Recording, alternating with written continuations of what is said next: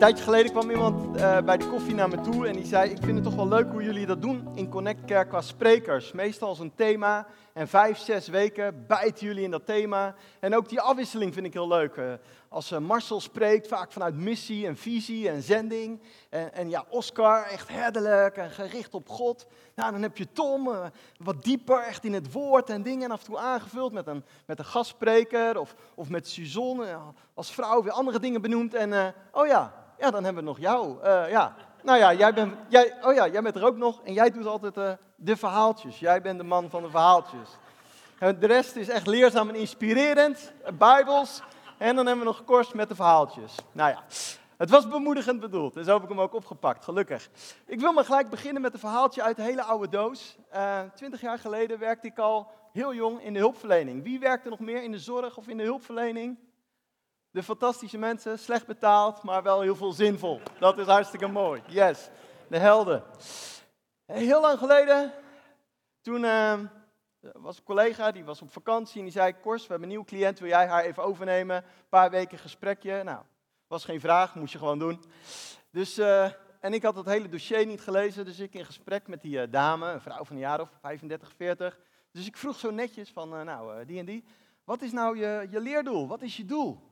En ze keek me aan, ze zegt, ik heb eigenlijk maar één doel. Ik denk, ja, mooi, dan zijn we snel klaar. Het enige wat ik wil in mijn leven is gewoon graag een baby. Ik zeg, oh, oh. Ik dacht, oh, had ik dat dossier maar gelezen en dan wist ik of ze een vriendje had, getrouwding. Ik zeg, oh, oh, en is er iemand? Nee, nee, ik wil absoluut geen man. Absoluut niet. Geen denk aan, geen man, geen verkering. Dat gedoe aan mijn lijf, dat wil ik absoluut niet. Maar ik wil wel graag een, uh, ja, ik heb gewoon, zo zei ze het, haar woorden, ik geef haar schuld. Ik heb gewoon wat zaadjes nodig, want ik wil een kind. Ik wil gelukkig worden en dat geeft mij voldoening. Dat maakt me blij. Ik denk, oh, had ik maar naar die les gegaan waarover ging, hoe moet je hierop reageren? Ik wist het niet. Nou, en ze zei, ze ging maar door in haar verhaal van wat ik graag wil. Ik wil graag gelukkig worden. En ik wil me goed voelen. En daarvoor heb ik een kind nodig om mij gelukkig te voelen. En... Uh, zij wou totaal, want ik vroeg nog van, is er dan niet een man, verkering, verliefd? Nee, helemaal niet. Dat was helemaal niet een beeld, alleen dat ene. En ik zat er zo later over na te denken en ik dacht van, ze wou dus niet een partner met een intieme liefdesrelatie om te kennen en gekend, maar ze wou dus een baby voor geluk. En in diezelfde periode las ik veel in het Oude Testament en zegt God vaak dit. Jullie willen geluk, jullie willen veiligheid, jullie willen plezier, maar mij kennen, mij liefhebben, intiem zijn, mijn aanwezigheid, ja, daar zijn jullie niet in, geïnteresseerd. In het Oude Testament voel je vaak Gods verdriet. Dat God zegt van, ik wil je zoveel geven. Ik heb jullie goedheid, jullie vrede, jullie veiligheid, jullie plezier voor ogen. Maar leer mij kennen. Leer mijn hart kennen. En ik denk wel eens wat een gevaar is, wat ik herken in mijn eigen hart, in mijn eigen leven. Dan heb ik hier zo mijn leventje. En dan is hier zo een beetje God. En ik wil eigenlijk dat God ten dienste is van mijn leven. Ja? Dus ik heb mijn leven en daar heb ik er maar eentje van. Dus heel belangrijk, heel kostbaar. En dan, dan heb ik God. En ja, ik kan hem natuurlijk niet verplichten, dat weet ik ook wel. Maar ik wil wel heel graag dat hij mij van alles geeft. Dat hij bijna mij ten dienste staat van mijn, van mijn leven. Zodat het lekker gaat en goed gaat en voorspoedig. En het mooie is dat in zekere zin God een dienstbaar hart heeft. Dat hij zegt, ik wil je graag helpen, dienen en steunen, maar dat niet alleen. Anders wordt God een soort instrumentje, een soort middeltje tot mijn geluk. En als het dan even tegenvalt, dan, nou, voep, God aan de kant en dan zoeken we iets anders. En God is veel meer en veel mooier en veel beter dan alleen maar een instrument tot ons welzijn, tot ons geluk. Maar ik herken in mijn eigen hart van ja, zo'n valkuiltje om als het ware God in te zetten voor mijn eigen leven en God die dan alleen maar er is voor mij. Terwijl ik denk, vanaf de oorsprong is het niet zo bedoeld. Vanaf de oorsprong wil God niet zozeer mijn geluk of vreugde. Vanuit de oorsprong, vanuit de Hof van Eden, wat wou God? God wou een liefdesrelatie, intieme relatie, verbondenheid. Het was als het ware zo, dat, dat, dat, ik stel me zo voor, Adam die wandelde daar en die ademde de glorie, de, de liefde, de kracht en de vreugde, de wijsheid van God in.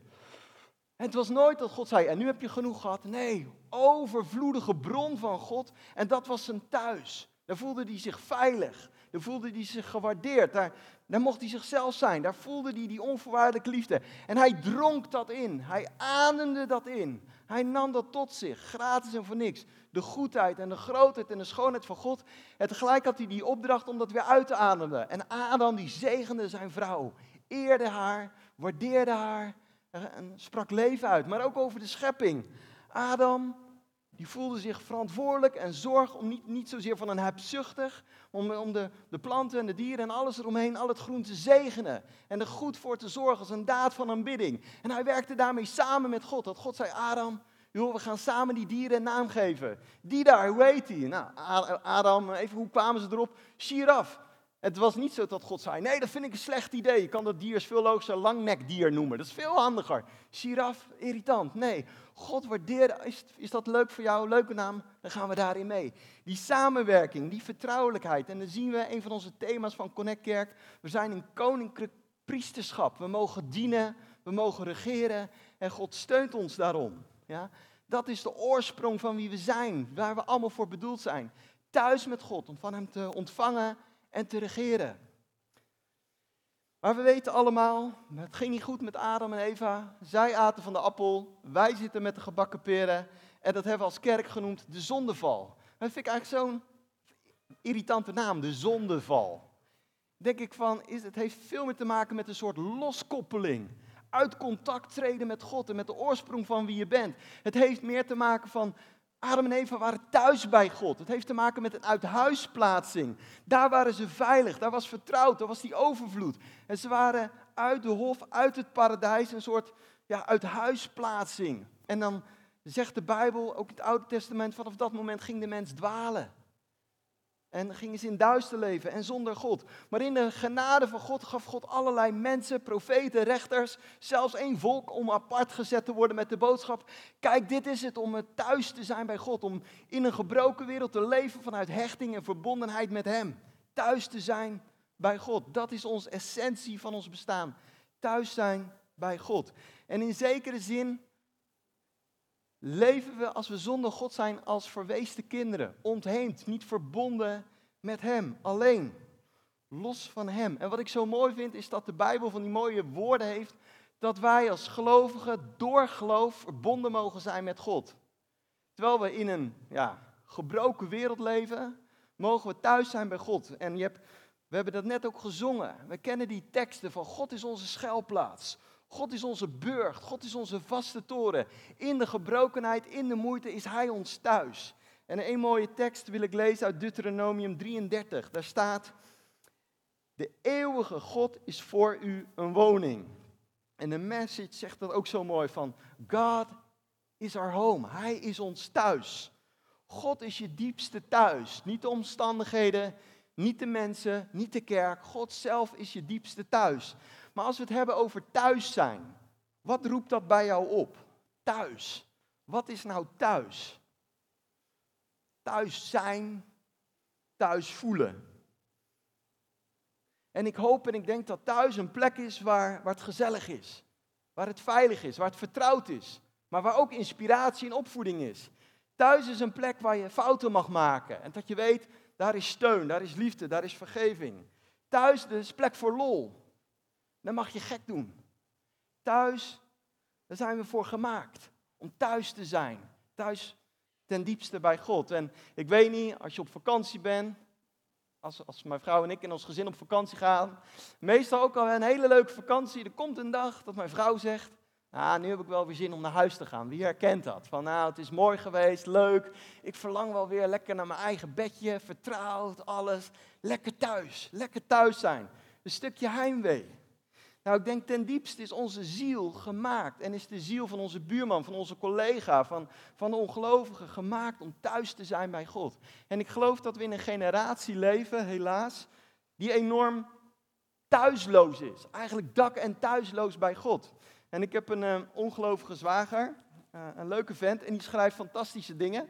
Dit is een van zijn boeken, heeft er nog heel veel in allerlei talen. Maar uh, hij heeft ook onderzoek gedaan en ik wil een paar dingen voorlezen, omdat hij veel beter zegt, uh, schrijft dan ik kan, uh, kan zeggen. En het gaat over de mentale gezondheid in Nederland. En dan zegt hij, Vier op de tien Nederlanders krijgt op een bepaald moment in het leven een, een psychische stoornis. Eén op de vijf in Nederland krijgt te maken met een stemmingstoornis, een angststoornis of met de verslaving. In Nederland op dit moment ondervindt zes op de tien werknemers regelmatig of heel vaak werkgerelateerde stress. 1 op de 7 Nederlanders, 1,4 miljoen, krijgt er met burn-out te maken. Of burn-out verschijnselen. Ongeveer 800.000 mensen in Nederland zijn depressief. En deze vond ik heel heftig. Het gemiddelde kind, een tiener, op de middelbare school ervaart tegenwoordig evenveel angst als een psychiatrisch patiënt in de jaren 50. Een gemiddeld kind op de middelbare school, misschien jouw tiener, ervaart evenveel angst, en angst is heftig, als een psychiatrische patiënt in de jaren 50. Drie op de vier studenten geeft aan emotioneel uitgeput te zijn. 75 procent. Het land in de wereld wat de meeste mensen aangeven dat hun leven geen zin heeft? Nederland. Waar 27% van de ondervraagden verklaart dat het leven eigenlijk zinloos, betekenisloos is. 27% van de ondervraagden. Nou, er zijn denk ik heel veel die het nog niet, die dat wel zo voelen, maar vanuit trots en angst niet hebben aangegeven. Dit zijn heftige, heftige cijfers van ons beeld van Nederland. En pas zag ik een filmpje voorbij komen ergens op sociale media en dan zei een man, die zei, joh, we hebben de coronacrisis gehad, we hebben de klimaatcrisis, de huizencrisis, stikstofcrisis na crisis. Ik ben uitgeput. En als land zijn we uitgeput, van ramp naar ramp. En de politiek geeft geen houvast, die geeft geen houvast. Wat we hebben nodig is een rustpunt. Kunnen we even op adem komen? We hebben het ene ding nog niet gehad of we hebben dat andere weer. Ik wil gewoon even tot rust komen, smeekte die man. En ik denk, ja, we kunnen niet met een zapper klik de omstandigheden uitzetten. Nee, maar we kunnen iets aanbieden in die verdwaalde, gehaaste, gestoorde wereld. En opeens die tekst van Jezus popte in mij op. Matthäus 11, hij mag op het scherm in dit beeld van Nederland, dan zegt Jezus dit. Als je oplet in al dat ge, in die harde wereld, die zachte stem van Jezus. En die klinkt naar jou, maar die mag ook door jou heen klinken. Dan zegt Jezus, kom tot mij, alle die vermoeid en belast zijn. Ik zal u rust geven. Neem mijn juk op u. Leer van mij, want ik ben zachtmoedig en nederig van hart. En je zult rust vinden voor uw zielen. Want mijn juk is zacht en mijn last is licht. In die overprikkelde, angstige wereld, die stem van de Heer Jezus. Ik wil je rust en ik wil je vrede geven. Dat is toch fantastisch? Dat is geweldig. En het is niet zozeer van God, is er voor mij mijn wereldje? Nee, is veel meer samen. Dat God zegt, ja, het is heftig. Het is pittig. Het is soms spannend. Maar ik, ik zal je rust geven. Maar wil je naderen tot mij? Naderen tot Hem en Hij zal tot jou naderen. We hebben afgelopen weken stilgestaan op allerlei mooie manieren om tijd te nemen, om nee te zeggen tegen afleiding, om in de Bijbel te gaan. Waarom? Om Hem te kennen. En in Hem is rust en in Hem is vrede. En één persoon die dat zo mooi in zijn leven heeft leren kennen, vind ik, is apostel Paulus. Van alles meegemaakt en op een gegeven moment zegt hij dit in Filippenzen. Dan zegt hij, echt, ik beschouw zelfs alles als waardeloos, omdat niets meer waarde heeft dan het kennen van Jezus Christus. Nog een keer, ik beschouw zelfs alles als waardeloos, omdat niets meer waarde heeft dan het kennen van Christus Jezus. Ik heb alles als vuilnis weggegooid om Christus te ontvangen en één met Hem te zijn. Ik reken er niet meer op dat ik het met God in orde kan maken door het houden van allerlei wetten. Nee, ik vertrouw nu op Christus. Hij maakt het goed tussen ons en God. Als wij maar in Hem geloven. Het enige wat ik wil, is Christus kennen. En ervaren hoe groot de kracht is, waardoor Hij uit de dood is opgestaan. Ik wil ervaren wat het betekent om hem met hem te lijden en te sterven, om uiteindelijk te komen tot de, dood uit de, tot de opstanding uit de dood. Sorry. Daarmee wil ik niet zeggen dat ik er al ben, of dat ik al volmaakt ben. Maar ik blijf doorgaan om eens te grijpen waarvoor ook Christus mij gegrepen heeft. Ik denk niet dat ik al geslaagd ben, broeders en zusters. Maar één ding weet ik. Dat weet ik zeker. En daarbij vergeet ik wat achter me ligt. En ik strek mij uit. Ik strek mij uit naar wat voor mij ligt. Ik snel recht op mijn doel af. Ik wil de prijs betalen die in de hemel voor mij klaar ligt. Nu God mij door Christus Jezus geroepen heeft. dit is liefdestaal. Als je dit laat lezen door een ongelovige psycholoog en je laat het analyseren, die zegt ja, dit, dit is liefdestaal. Dit is iemand die zich gehecht en verbonden en verknocht weet aan hem. Ik zou bijna zeggen, misschien zegt een psycholoog wel, dit is een beetje verslavingstaal. Paulus, één ding, dat begeer ik, dat zoek ik, dat wil ik tot mij nemen. De rest is niet meer belangrijk. Hem kennen, hem kennen, hem kennen. Drinken van hem, hem ontvangen. Gegrepen zijn door hem. En dat vind ik zo bijzonder aan Paulus. En als we ons hart zouden analyseren, wat zou er uitkomen? Zou er ook zo'n schreeuw, zo'n verlangen, zo'n verlangen naar God uitkomen? Een ander gedeelte in Paulus' leven. En je denkt misschien, nou, Paulus was een man, gehoorzaam, toegewijd. Hij had, hij had een fantastische bekering, echt 180 graden. En deze man, ja, die is zo gehoorzaam. Hij zegt over zichzelf, ik bid meer dan wie dan ook. Schrijft bijbelbrieven. Deze man zou wel een makkelijk leventje verdienen, toch? Moet je lezen wat er staat in 2 Korinthe 11. Ik lees het voor. Ik heb veel vaker in de gevangenis gezeten. Zegt hij tegen anderen. Ik ben ettelijke keren afgeranseld. Ik heb meermalen oog in oog met de dood gestaan. Ik heb van de Joden vijf keer de beruchte 40 min 1 zweepslagen gehad. Ik ben drie keer met stokken geslagen en één keer met stenen bekogeld. Ik heb drie keer schipbreuk gelegen.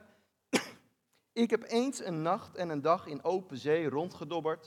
Ik heb veel gereisd, waarmee ik vaak gevaar liep door overstromingen, rovers, aanvallen van mijn eigen volk en van anderen. Altijd dreigt er gevaar. Altijd dreigt er gevaar. Rellen in de steden, dood in de woestijn, verdrinking op zee, verraad door valse christenen.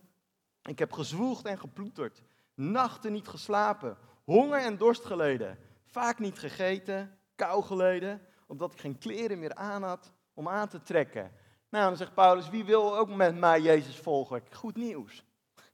Weet je, en toch zegt Paulus in het alles, ik ga door, ik zoek Jezus, want hij had een missie, een koninkrijk. Hij had een bevel van de koning gekregen, van Jezus zelf, om de volk, om de mensen um, te discipelen, om gemeentes te stichten. En als ik zo Paulus lees, dan, dan, komt de hulpverlener in mij op en dan zeg ik toch, jongen, jongen, wat een ellende joh, die man. En die moet verzorgd worden, moet even gepraat worden. Waar is het gebedsteam, het pastorale team? Ik vind het zielig, ik vind het sneu, ik heb met Paulus te doen. Maar Paulus heeft een een andere mindset. Als hij in de gevangenis wordt gegooid, is er niet zoiets van, en nou ga ik mijn klaagliederen doen, of nu ga ik het gebedsteam vragen, of was de pastorale gevangenisdominee. Nee, hij zegt tegen Silas, hé hey Silas, kom, we gaan samen aanbidden. We gaan samen een prijs, we hebben dit vaker gehad, en wij gaan de present zoeken in de moeilijke omstandigheden. We gaan hem zoeken. En wat ik mooi zie is dat eigenlijk Paulus niet zegt van dit is mijn leven. En, God moet maar een beetje helpen en van onderaf steunen. Nee, dat Paulus eerst zegt, en mijn leven is samen met God. En dat hij hier zelfs zegt, en dat vind ik onbegrijpelijk, van nou, dit is God. En dit is mijn leven ten dienste aan God. Ik geef mezelf als een offer, als een geschenk aan dit. Ik geef mijn leven wat ik heb aan Hem. En dan zegt hij, als ik tegen hem zou zeggen, als ik in gesprek zou gaan met Paulus, van, joh, je maakt wat mee, wat sneu, wat moeilijk. Ik denk echt dat hij zou zeggen, Paulus tegen mij, Kors, jij bent echt een jacuzzi-christen. Jij bent, en, en, en ik herken dat. Weet je, cappuccinootje, uh, croissantje, relax, niet te moeilijk, cursusje, nog wat informatie in mijn hoofd erbij, nog wat slimmer worden. En Paulus zegt, volgens mij is dit een appel van jongens, ehm, er is een geheim in God, dat God je leven overtreft. Dat, dat God waardevoller en kostbaarder en belangrijker wordt dan je leven. Hij legt zijn leven af. Hij legt zijn leven af, ondergeschikt aan Hem. Dat vind ik echt fantastisch. En tegelijk vind ik het eng en spannend. En denk ik van, oh, wat, wat een hartshouding van Paulus. Maar dat komt niet omdat hij dat moest doen vanuit een wet of vanuit een prestatie of zo. Of dit moet ik terugverdienen. Nee, hij kende het geheim van een persoon persoon en presence heeft zoveel met, met elkaar te maken. Hij voelde van, ik doe dit voor Jezus. Fantastisch. Als je diep inademt, kan je veel uitademen. Op een of andere manier heeft Paulus geleerd om diep van, van, van Jezus te ontvangen, van Hem te drinken, om met Hem te zijn, zodat hij ook veel kan uitademen. En uh, dan, dit, dit gaat niet om christelijke dingetjes doen of zo. Dit gaat veel meer om christen zijn. En uh, jaren geleden was ik met een groep vrienden uh, op een camping en we deden daar recreatie- en evangelisatiewerk. En dit verhaal heb ik al vaker verteld. Oscar die heeft hem al tien keer gehoord, sorry. Maar jaren geleden deed ik evangelisatiewerk en ik was door die organisatie aangewezen als, eh, als teamleider op die camping. En ik moest echt laten zien aan mijn team hoe het moest. Dus ik had een heel mooi programma uh, geschreven. Eerste paar dagen gingen we de kinderen vertellen, Jezus is het goede herder. En Jezus is een vriend. En Jezus is de verlosser. En Jezus dit, wat een heel mooi programma geschreven. Ik vond het echt fantastisch. En we gingen die kinderen dat leren met kleurplaten en ballonnen en andere dingen. We deden ons clownspak aan en gingen we evangeliseren. En een vriend met gave van bemoediging zei, Kors, jij hoeft zo'n clownspak niet aan, je bent sowieso een clown. Weet je, maar we deden van alles om die kinderen te bereiken. Maar er was één kind, één jochie, ja, die, die hoorde daar niet echt bij. Je, had echt zo'n, je kent dat wel op zo'n camping, zo'n groep van de jonge lui, die trekken overal met elkaar op. Maar er was één jochie, die heette Davy. En die hoorde er niet bij. En die had er nooit bij gehoord. Die werd gepest en verstoten en belachelijk gemaakt. En heel af en toe kwam Davy wel eens een beetje kijken. Maar er werd altijd hem werd altijd bespot. Er werd altijd gelachen. En Davy die had altijd vieze kleren aan en altijd vet haar. En er werd altijd gezegd, die wordt thuis geslagen. En zijn vader en zijn moeder die slaan elkaar en drinken. En Davy hoorde er niet bij. En als we die activiteiten deden, dan kwam Davy heel even kijken en gingen we weg. Maar na een paar dagen was een goede vriend van mij, Johan, die had het in de gaten. Die zegt, van, van Davy, die hoort helemaal niet meer bij. En wat ging hij doen? Hij zocht Davy op. En hij ging samen met Davy een kleurplaat maken.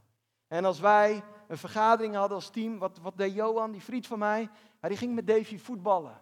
Er voetbalde nooit iemand met Davy, maar Johan voetbalde met Davy. En als ik uh, mijn lunch aan het maken was voor de hele groep en Johan stond ook op de takenlijst en dan was weer pleiten en ik was gestrest, waar was Davy? Die had ijs gekocht. Heel veel bolletjes voor Davy. En uh, hadden wij een, uh, weet ik veel, weer een bespreking voor de volgende dag, evaluatie. En weer was ik Johan kwijt. Ik denk, was Johan nou weer? En ik zoek op de camping. En ja hoor, hij zat te luisteren en te praten en een moppenboekje met Davy. En zo ging de dag na dag door.